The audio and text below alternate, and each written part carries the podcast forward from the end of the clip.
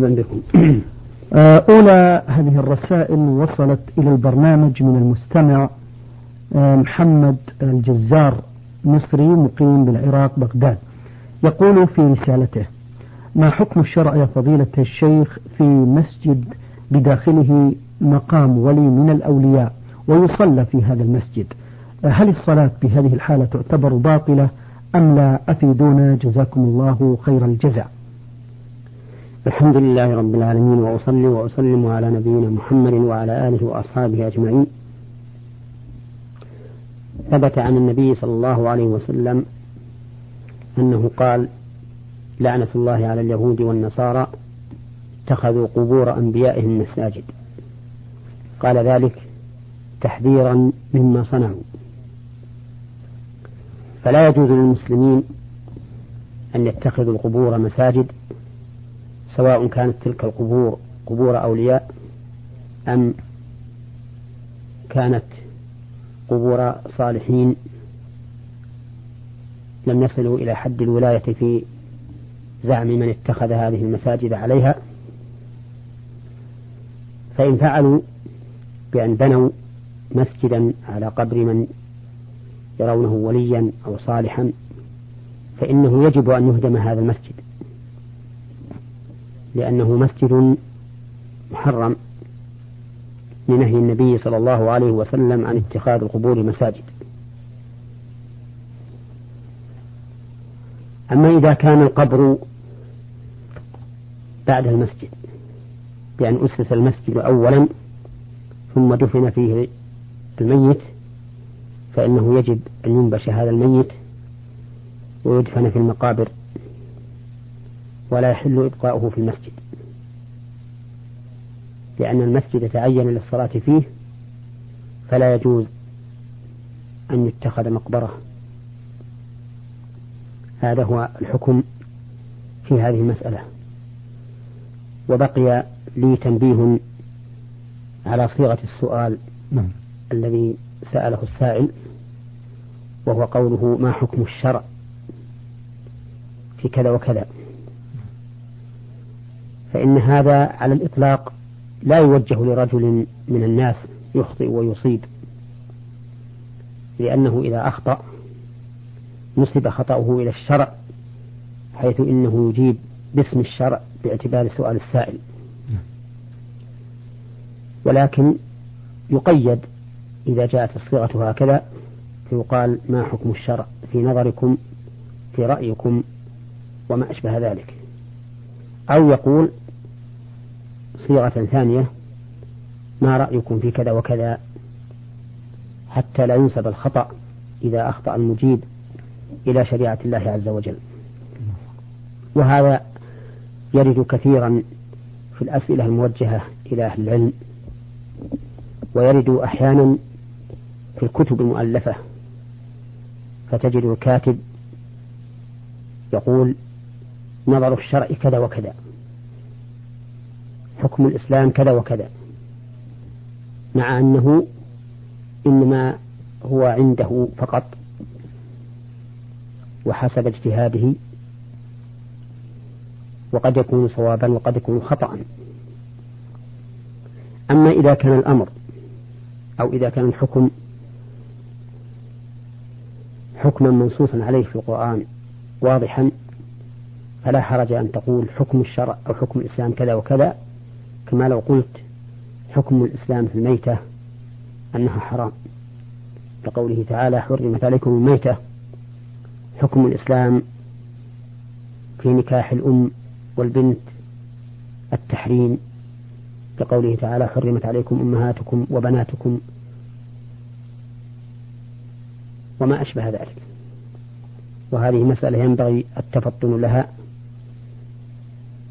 عند توجيه الأسئلة إلى أهل العلم وعند كتاب عند وعند كتابة الأحكام في المؤلفات وكذلك في الخطب والمواعظ أن لا ينسب إلى الإسلام شيء إلا إذا كان منصوصا عليه نصا صريحا بينا وإلا فيقال فيما أرى أو يقول يحرم كذا مثلا أو يجوز كذا بدون أن يقول إن هذا هو حكم الإسلام لأنه قد يخطئ فيه.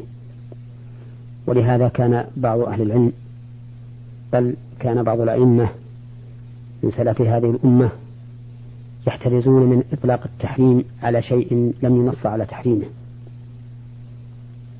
وهذا كثير في عبارات الإمام أحمد بن حنبل رحمه الله. يقول أكره هذا أو لا يعجبني أو لا أراه. أو هو قبيح أو ما أشبه ذلك تحرزا من أن يطلق التحريم على شيء ليس في الشرع ما يدل على التحريم فيه على وجه صريح. نعم. آه بارك الله فيكم. آه هذه رسالة وصلت من المستمع آه سعد آه خميس آه من الرياض يقول في رسالته أحمد الله سبحانه وتعالى أن من علي بالمحافظة على الصلوات الخمس. ولي فضيلة الشيخ رسالة بارك الله فيكم أجيب أريد أن تجيبونني عليها. وهي وهذا السؤال هو إذا فاتتني ركعة من صلاة الفجر وقمت بقضائها وبعد صلاة الفجر آه، قمت بأداء ركعتي السنة هل هذا جائز؟ وإذا فعلت هذه الركعتين في البيت قبل الحضور للمسجد لصلاة الفجر فما الحكم؟ أفيدونا. بارك الله فيكم. أولا أهنئك بما أنت عليه مما ذكرت عن نفسك من المحافظة على الصلاة. وأسأل الله تعالى لي ولك الثبات على الحق.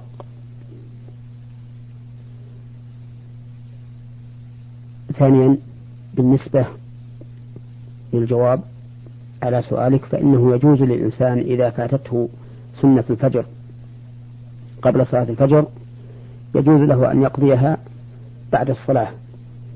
إذا انتهى من التسبيح الوارد خلف الصلاة فإن له أن يقضيها بالحال.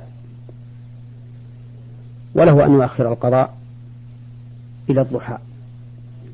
لكن إذا كان يخشى أن ينسى أو يشتغل عنها فإنه يصليها بعد صلاة الفجر.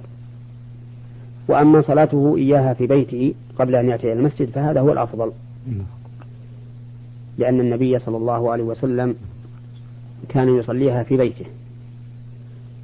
بل قد قال النبي صلى الله عليه وسلم أفضل صلاة المرء في بيته إلا المكتوبة. ولكن إذا علمت أن الصلاة قد أقيمت فإنك لا تصليها في البيت. فإن النبي صلى الله عليه وسلم يقول إذا أقيمت الصلاة فلا صلاة إلا المكتوبة. فإذا علمت أن المسجد الذي تريد أن تصلي فيه الفريضة قد أقام الصلاة فلا تصلي النافلة بل اخرج إلى المسجد. لقول النبي صلى الله عليه وسلم إذا سمعتم الإقامة فامشوا إلى الصلاة وعليكم السكينة والوقار ولا تسرعوا. فما أدركتم فصلوا وما فاتكم فأتموا نعم. آه، أيضا آه، المستمع سعد خميس من الرياض ضمن رسالته سؤال آه، للمستمعة الذي رمزت لاسمها بميم فعين تسأل عن الحلم بالرز الأبيض وأنها تحلم كثيرا بهذا وكان عندها ذهب ليس بكثير في حدود 12 ألف ريال وكانت تلبسه والآن لا يوجد عندها ذهب. وهي الآن تقول إنني أخاف أن هذا الحلم علشان الذهب حيث أنني لا أزكي منه شيء. أرجو من فضيلة الشيخ محمد إجابة حول هذا. أنا لا أعرف تفسير الرؤيا ولكني وبسبب كثرة السؤال عن المرائي أقول لإخواني المستمعين إن النبي صلى الله عليه وسلم أرشد أمته. إذا رأى الإنسان في منامه ما يكره أن يستعيذ بالله من الشيطان الرجيم. يدخل عن يساره ثلاثا ويقول أعوذ بالله من شر الشيطان ومن شر ما رأيت ولا يحدث بها أحدا. وينقلب عن جنبه الذي كان نائما عليه إلى الجنب الآخر. وإن قام وتوضأ وصلى ركعتين فحسن. وحينئذ لا تضره تلك الرؤيا مهما عظمت فداحتها. والإنسان إذا استعمل هذا فإنه يسلم من هموم كثيرة تصيبه في هذه المرائل المزعجة. وأما بالنسبة للذهب الذي كانت لا تؤدي زكاته فمن المعلوم أن أهل العلم اختلفوا في وجوب زكاة الذهب. وعند الاختلاف يجب الرجوع إلى كتاب الله وسنة رسوله صلى الله عليه وسلم لقوله تعالى وما اختلفتم فيه من شيء فحكمه إلى الله وقوله فإن تنازعتم في شيء فردوه إلى الله والرسول إن كنتم تؤمنون بالله واليوم الآخر ذلك خير وأحسن تأويلا. وإذا رددنا هذا الاختلاف والتنازع بين أهل العلم في وجوب زكاة الذهب إذا رددنا ذلك إلى كتاب الله وسنة رسوله صلى الله عليه وسلم فإن الذي يتبين لي من كتاب الله وسنة رسوله صلى الله عليه وسلم وجوب الزكاة بالذهب في حلي الذهب والفضة بشرط أن يبلغ النصاب وهو خمسة وثمانون جراما من الذهب. فإذا بلغ هذا المقدار وجب على المرأة أن تزكيه كل عام بأن تقومه عند تمام الحول بما يساوي ثم تخرج ربع عشر, ربع عشر القيمة التي يساويها وقت وجوب الزكاة. وبما أن العلماء مختلفون في هذا فإن الإنسان الذي لم يخرج الزكاة فيما سبق ولكن لما علم رجحان القول بالوجوب أخرجها فلا إثم عليه فيما مضى. ولكنه إذا تبين له رجحان القول بالوجوب فإنه يجب عليه أن يزكيه. ولا أظن أن هذه السائلة تركت زكاة حليها وهي تعتقد الوجوب. بارك الله فيكم. آه هذه رسالة وصلت إلى البرنامج من المستمع الذي رمز لاسمه بنون جيم را من الباحة. يقول في رسالته أبعث لكم بسؤال هذا وهو أنني متزوج من زوجتين واحدة تطيعني وتقوم بواجبي وتحب والدي وأقاربي وأولادي الذي ليس منها. أما الأخرى فهي لا تطيعني ولا تسمع كلامي ولا تحب أولادي الذي من غيرها ولا آه، تحب أيضا أقاربي. هل يجوز لي فضيلة الشيخ أن أهجرها وأتجنبها علما أن لي منها أولاد أفيدونا مأجورين هذه الزوجة التي تطيعك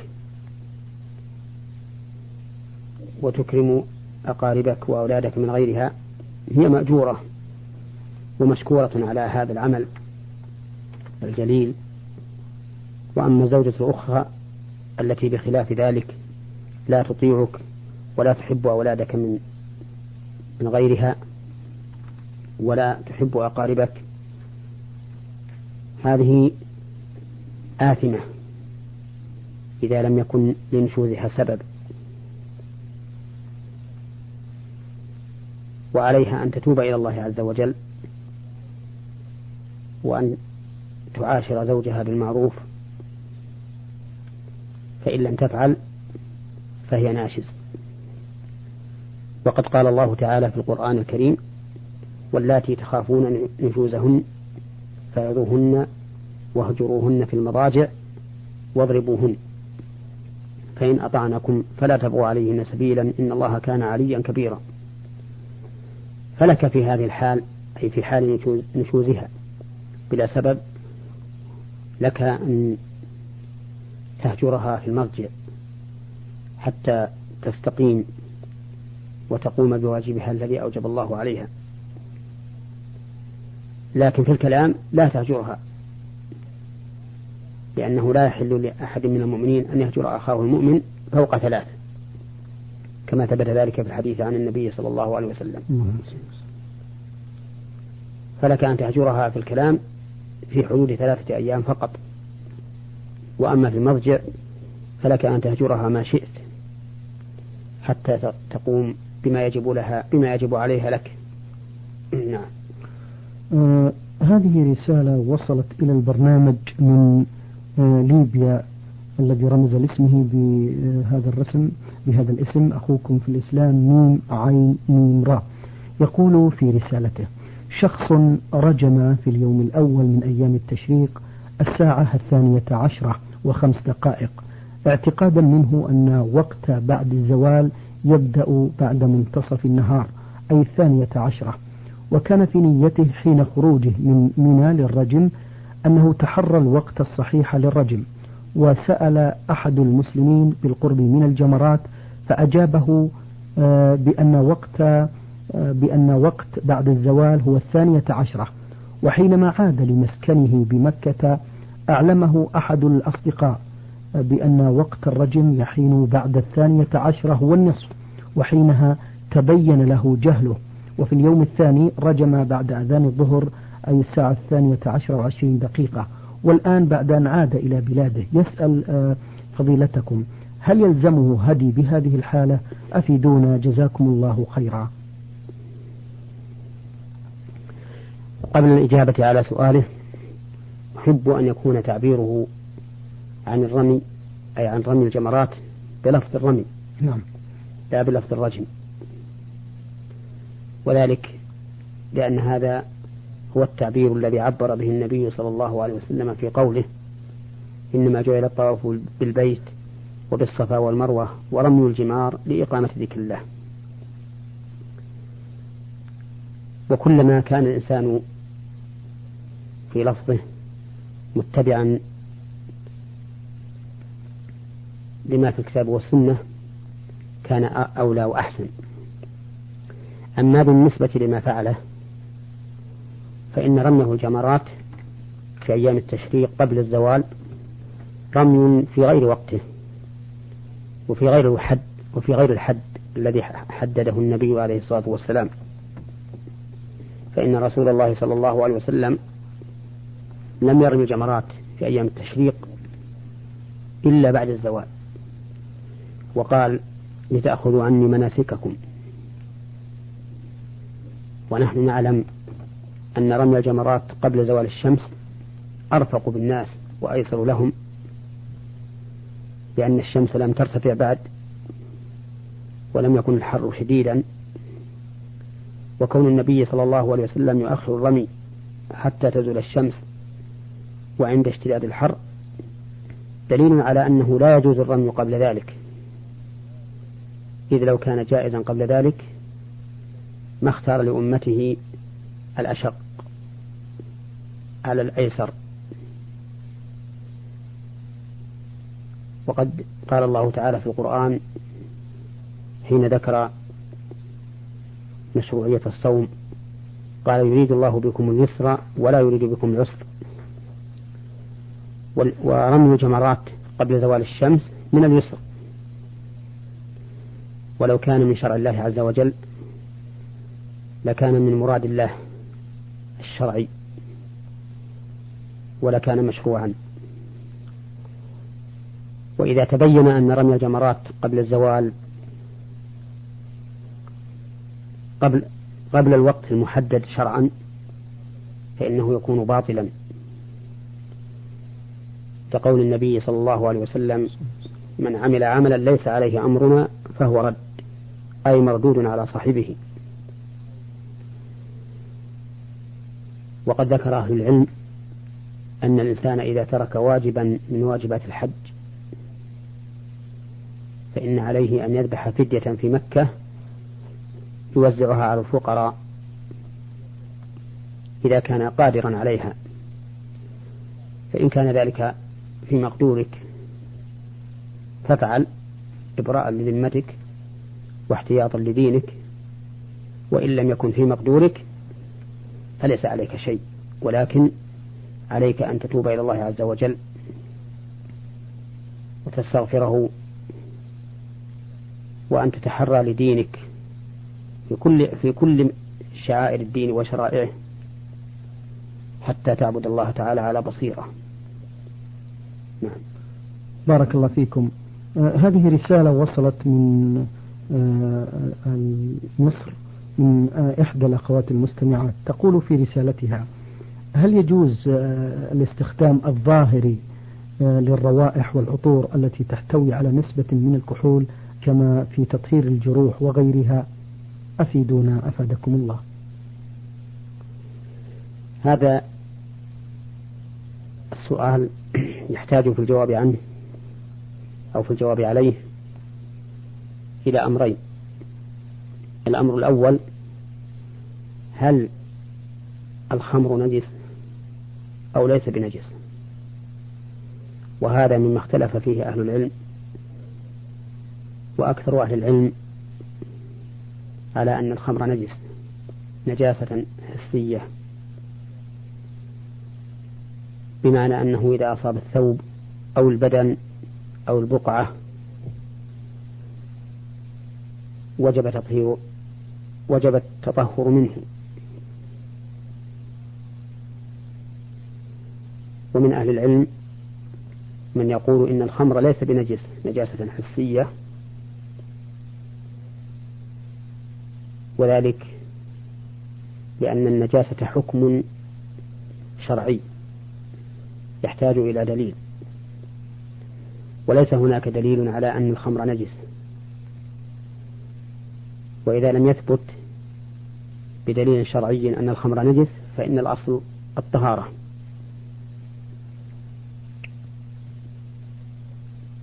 وإذا كان الأصل الطهارة فإن من قضى بنجاسته يطالب بالدليل. قد يقول قائل الدليل من كتاب الله في قوله تعالى يا أيها الذين آمنوا إنما الخمر والميسر والأنصاب والأزلام رجس من عمل الشيطان فاجتنبوه لعلكم تفلحون. والرجس بمعنى النجس لقوله تعالى قل لا أجد فيما أوحي إلي محرما على طاعم يطعمه. إلا أن يكون ميتة أو دما مسفوحا أو لحم خنزير فإنه أي المطعوم المذكور من الميتة ولحم الخنزير والدم المسفوح فإنه رجس. قل لا أجد فيما أوحي إلي محرما على طاعم يطعمه. إلا أن يكون ميتة أو دما مسفوحا أو لحم خنزير فإنه أي هذا المطعوم من الميتة والدم المسفوح ولحم الخنزير رجس أي نجس. والدليل على أن المراد بالرجس هنا النجس. قول النبي صلى الله عليه وسلم في جلود الميتة يطهرها الماء والقرض. فإن قوله يطهرها دليل على أنها كانت نجسة. وهذا أمر معلوم عند أهل العلم. فإذا كان الرجس بمعنى النجس فإن قوله تعالى في آية تحريم الخمر رجس من عمل الشيطان أي نجس. ولكن يجاب على ذلك بأن المراد بالرجس هنا الرجس العملي لا الرجس الحسي. بدليل قوله رجس من عمل الشيطان. وبدليل أن الميسر والأنصاب والأزلام ليست نجسة نجاسة حسية كما هو معلوم. والخبر هنا رجس من عمل الشيطان خبر عن الأمور الأربعة. عن الخمر والميسر والأنصاب والأزلام وإذا كان خبرا عن هذه الأمور الأربعة فهو حكم عليها جميعا بحكم تتساوى فيه.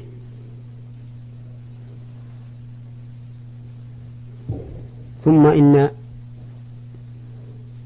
عند القائلين بأن الخمر ليس بنجس نجسة حسية دليلا من السنة.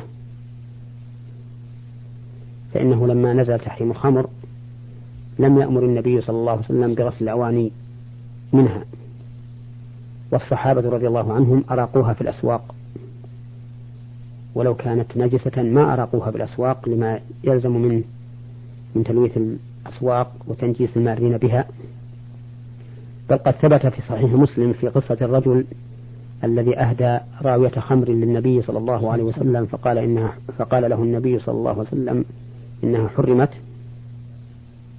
فساره رجل أي تكلم مع هذا الصحابي رجل آخر سرا يقول له بيعها فسأله النبي صلى الله عليه وسلم عن ذلك فأخبره أنه يقول له بيعها فقال صلى الله عليه وسلم إن الله إذا حرم شيئا حرم ثمنه ففتح الرجل فم الراوية وأرق الخمر بحضرة النبي صلى الله عليه وسلم ولم يأمره النبي صلى الله عليه وسلم بغسلها من هذا الخمر.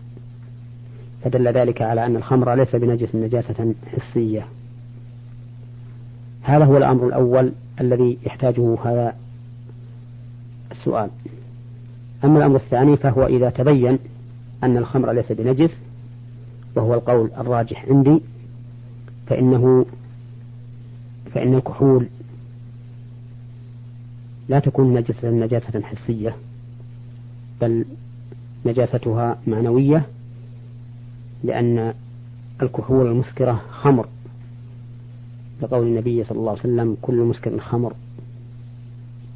وإذا كانت خمرا فإن استعمالها في الشرب والأكل بأن تمزج في شيء مأكول ويؤكل حرام بالنص والإجماع. وأما استعمالها في غير ذلك وأما استعمالها في غير ذلك كالتطهير من الجراثيم ونحوه فإنه موضع نظر. فمن تجنبه فهو أحوط. وأنا لا أستطيع أن أقول إنه حرام لكني لا أستعمله بنفسي إلا عند الحاجة إلى ذلك كما لو احتجت لتعقيم جرح أو نحوه. والله أعلم. آه بارك الله فيكم فضيلة الشيخ. أيها الإخوة المستمعون الكرام كنتم بصحبة الشيخ محمد بن